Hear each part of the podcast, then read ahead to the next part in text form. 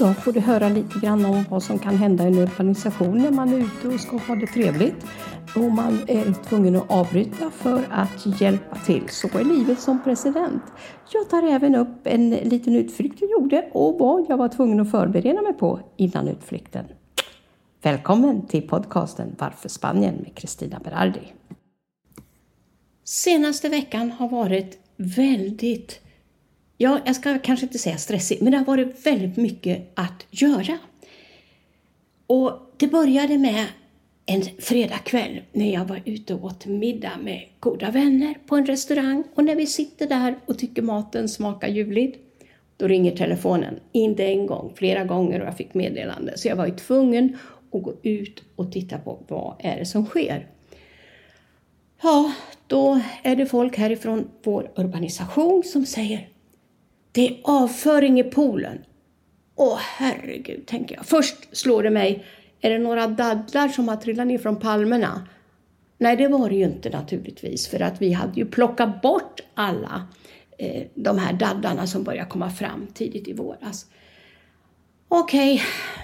vad ska man göra då när man sitter på restaurangen fredag kväll? Ja, efter någon halvtimme så var det lika bra att packa ihop och åka hem och komma hit och se. Jo, mycket riktigt så låg det ju avföring i poolen på två ställen. Och det visade sig att det var på den mest djupa delen i poolen. Och då tänker jag, kan inte vara små barn som har gjort det här. Och ni vet, uppifrån vattenytan där jag stod så såg det ut att vara ganska mycket och tänkte, det här måste vara en stor människa som har gjort. Inte någon unge på 8-10 år eller yngre. Och det måste vara någon som har varit i den djupa delen av bassängen. Jag bottnar inte där, det är säkert två meter djup, 1,80-2 meter djup. Ja, inte nog med det. Så funderar jag på, det trädgårdsmästarna brukar säga till mig att det brukar faktiskt vara några hundar som har gjort av sig i poolområdet. Vi har inte sett några stora hundar, men de säger det är ganska stort. Och då tänkte jag, kan det vara så att någon har gått där och råkat nästan trampa eller nästan sätta sig vid något sånt här och blev arg och slängde i det. Oavsett vad det var för någonting så skulle det ju bort naturligtvis. Och då ringer jag till vår poolkille som kommer hit tidigt på lördag morgon och tar bort det där och han kör kemikalier. Jag stängde naturligtvis av poolen omedelbart på fredag kväll när jag kom hem. Och folk är ju naturligtvis upprivna över detta för att eh, vem skulle inte vara det? Vilka människor gör på det här sättet? Är det sabotage eller vad är det för någonting? Vi har ju toaletter här i vår social club. Det tar en minut max från ena delen av poolen in till, eh, vad heter det, Eh, toaletterna. Eh, mycket konstigt. Hur som helst stängde jag poolen och jag sa att jag öppnar inte förrän på måndag morgon. Och det här är ju för att jag vill ge en liten signal till människorna att sköter ni er inte så stänger vi poolen. Alltså sköter hygienen här. Och många säger, ja men titta i kamerorna. Jo, vi har en kamera där, men den sitter jättelångt bort och där kan man inte se vad som händer nere i poolen eller i närheten för att vi har en bro, vi har växter emellan och sådär. Så det, alla, alla råd var välkomna, men eh, det var ogörligt så att säga. Hur som haver så fixar vi det här och då passar vi på att tvätta gångarna i vårt poolområde som var ganska smutsiga. Så det fixades också på, på lördagen och söndag eftermiddag. Då öppnade jag poolen och folk kunde vara där som vanligt. Och nu hoppas jag att inte det här sker igen. Ja, dagen efter på lördagen då var jag bjuden på en födelsedagsfest. Och när jag sitter där, klockan var kanske åtta, nio. Så är det en som ringer till mig. Jag var tvungen att gå undan och svara på telefonen. Jo, då är det översvämning. Det är översvämning ute på gatan. Polisen har varit där och full uppståndelse. Var kommer vattnet ifrån? Andra gången som man blir avbruten på två dagar efter varandra med att någonting händer i urbanisationen. Jag går naturligtvis hem och tittar och så öppnar jag ju eh, vattenskåpet och titta på mätaren. Jaha, det är det här numret. Ja, då visade det sig att det var damen som hade ringt till mig Det var hennes vattenmätare som snurrade på så vi fick gå in och stänga av vattnet och titta på vad, vad, vad det var. Och där gjorde jag ju ett litet misstag. För jag vet ju att de som bor på andra våningen, de har ett avlopp som går ner och avloppet ligger under trottoaren och rinner ut på gatan. Och det är för att när de städar så ska det kunna vattnet ledas ut. Och um, jag tog för givet att den här damen visste att det kom från takterrassen. Men eh, vi löste det här och det gick bra. Så frågade jag henne dagen efter, hur, hur är det, hur går det, vad, vad var det som hände? Då hade ju inte hon gått upp på takterrassen först dagen efter och sett att där var det någon som hon hade haft hjälp med något arbete på takterrassen, hade satt på vattenkranen, glömt stänga av den. Vattenslangen som hängde där hänger i solen och hade blivit helt uttorkad. Så det läckte ju vatten. Så det var hennes takterrass som sprutade ut vatten en hel sjö här ute. Men, men, det löste sig som tur var och eh, hon var väldigt eh, tacksam för att vi stängde av vattnet dagen innan och hade en lösning så hon kunde använda vatten om hon skulle eh, koka lite kaffe eller någonting. Men så här, så här kan det vara ibland. Det händer mycket saker och då måste man ha hjälp nu och här. Ja, sen måste jag ju berätta. Jag eh, tittade på mina registreringsskyltar på bilen. För jag registrerade ju om bilen samma år som jag flyttade hit. Fick nya skyltar, monterade dem. Och sen har jag tittat på dem och då ser jag att eh, på den här skylten så är, om jag säger siffrorna och bokstäverna ligger lite utanpå, de är lite förhöjda och de är svarta. Och det har försvunnit så det blänker metall därifrån och man kan ju nästan inte se vad det är för eh, registreringsnummer jag har. Och när jag tog det då blev jag alldeles svart i handen. Jag tänkte det här är ju inte alls bra. Eh, tänk om jag blir stoppad av polisen när jag ska ut och åka för att man inte kan avläsa registreringsskylten. Och vad gör man då? Ja, jag går till vår närmaste järnhandel. För de brukar ha tips och idéer på att göra, kontakta vissa eh, andra företag när de själva inte kan hjälpa en. Jo då, sa de, du ska åka in till Torrevieja, till Ricambios eh, David. Och det ligger där nere i Torrevieja vid BP-macken. Jag känner ju han som har BP-macken, det finns två stycken i Torrevieja. Och eh, tänkte jag, okej, okay, jag åker dit. Och det var inte svårt att hitta dit och när jag kom dit så såg jag ju, ja, den här Ricambios David, det ligger precis mitt emot min däckverkstad. Jag kallar den för Pirelli, men den heter ju inte så. Men där var den i alla fall. Så kom jag dit, då skulle man ju ha papper med sig från bilen. Vi har grönt och vi har blått papper och man ska ta med sig det för att visa att man är ägare till bilen. Man ska ha legitimation och det ska också vara ett nio-nummer med. Men allt det där hade jag med mig. Och eh, då var det två olika typer av skyltar man kunde välja mellan. Och eh, jag tog den som var lite dyrare. Den var helt i plast så att det låg inte de här eh, bokstäverna och siffrorna utanpå så här förhöjt. För jag tänkte då kanske det försvinner igen här med solen. Så nu tog jag en sån. De var lite dyrare, men jag tyckte det var värt. Jag köpte båda två, alltså för både fram och bak på bilen. Och eh, det tog ungefär 10 minuter så hade jag dem i handen. Så glad i hågen jag åkte hem och så bytte jag dem där och det gick hur enkelt som helst och jag är jättenöjd med att ha nya registreringsskyltar som ser fina och fräscha ut. Och då tänkte jag, hur funkar det i Sverige? Måste man eh, ta kontakt med bilregistret eller hur, hur funkar det? Jag har ingen aning om. Men här var det otroligt smidigt. Så nu är jag ganska stolt över att jag kom på, nu måste jag byta de här och fixa det själv, alltihopa. Och det var ju särskilt viktigt för dagen efter skulle vi åka till Alicante. Jag har en väninna där och hon jobbar på ett sjukhus och hon ville gärna visa eh, vad det här sjukhuset kan göra. Det är ett privat sjukhus. Och jag tänkte, jag kan inte åka till Alicante när man inte kan se registreringsnumret. Så det var ju faktiskt en god orsak till att jag stressade på med att fixa det här. Hur som har vi kommer dit till Alicante och eh, Ja, det var så fantastiskt, sjukhuset. Det är ett eh, ögonsjukhus. De gör allt. I ögonen och runt ögonen gör de till människor.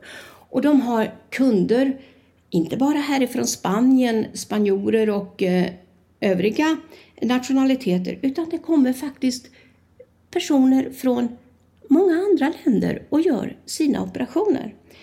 Och eh, vi fick titta där och gå omkring och de hade, man kommer in där och en stor reception eller entré och, och så hade de en, en, en sån här biosal som när man sitter där och väntar så kan man gå in dit och så sitta och titta på eh, några filmer om sjukhuset och så här och det var svalt och fint där. Va?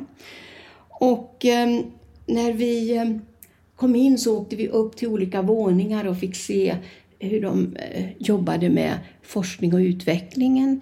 Vi kom också in där högsta chefen satt och vi fick se eh, på när man kommer dit och ska göra synundersökningar, man vill ha olika konsultationer för det man behöver ha hjälp med. De fixar även sådana här hängande ögonlock och påsar under ögonen. Så allting som har med ögonen gör de där. Och så kom vi upp högst upp, där hade de ju det var en som en kupol och det var otroligt vackert uppe i taket och så kunde man gå ut på altanen. Och när man stod där uppe på altanen, det var väl på åttonde, tionde våningen, så kunde man se ända till Mosamel, man kunde se ända till Benidorm. Det var en fantastisk utsikt där.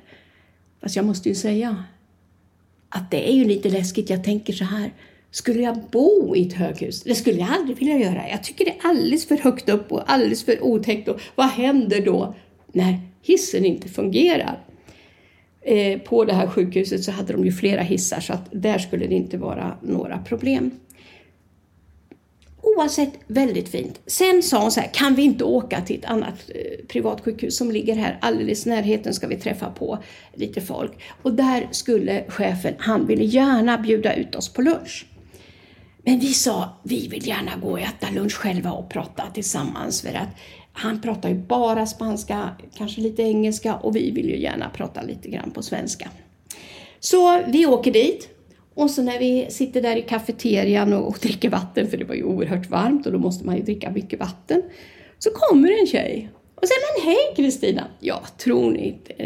Ja, det kommer ju en tjej som jag känner sedan flera år tillbaka. Jag har inte haft möjlighet att träffa henne. Och eh, vi var på samma fest, det var en Rotary-fest som eh, var utanför Alicante och jag kommer ihåg att jag skjutsade hem henne. Så att eh, det var jättetrevligt att vi kunde träffas igen. Och hon jobbade där som en sån här eh, ja, vad, vad, heter det? Jag vet faktiskt inte vad det heter, men när det kommer folk från olika länder som behöver hjälp med vart ska jag gå, hur gör jag det, vilka papper ska jag ha och så vidare. Så kommer hon och hjälper dem. Och hon tar dem, pratar ju olika språk förutom flytande svenska, engelska och, och ehm, eh, spanska så tror jag det var, franska också hon pratar. Så hon kan hjälpa alla de här nationaliteterna, leda dem rätt och berätta vad, vad läkarna säger, följa med in om de vill ha hjälp och sånt. Så det är en fantastisk service de har på alla dessa eh, privata sjukhus, att du får hjälp på ditt eget språk. De kan alla. Så det var ju särskilt roligt att jag kände henne. Det var ju en sån oerhört positiv överraskning. Ja, nu är det dags att byta ämne igen. Vi har ju haft några sådana här värmeböljor här på sista tiden. Och den vi hade här i förrgår, ja det var, det var liksom en chock. Vi visste ju flera dagar innan att nu kommer det och det kommer att bli varmt. De pratar om 40-45 grader. Och det är ju alltid svårt med temperaturer. Oavsett skulle jag vilja säga att är det 40 grader och mer då är det olidligt varmt. va? I alla fall då bestämde vi att eh, det, eh, vi åker till stranden på eftermiddagen. Det här var på måndagen. Vi åker till stranden för där fläktar det lite grann. Jo visst, det fläktar ingenting. Som tur var så var det inte lysande sol utan det var lite molnigt. För har det varit en lysande sol då vet jag inte om jag hade orkat överhuvudtaget. Men vi var vid havet och vi var väl där en två timmar och det, havet är ju så ljuvligt. Kristallklart, vatten. och 27-28 grader är bara att gå i och jag har en bikini som torkar på nolltid. Så jag var i och badade flera gånger. Åh, vad så fint! Och det var inte så mycket folk. Vi hade tur med parkeringsplatsen också, så att det var väldigt lyckat. Och mycket vatten hade vi med oss. Och jag orkar inget mer än två timmar på stranden. så är det. Så vi åkte hem. Och eh, sen åt vi naturligtvis. Vi hade förberett allt det här. Och så sitter jag här inne i fåtölj. Jag är ju så känslig för, luft, för luftkonditionering. Luft, jo, det heter så.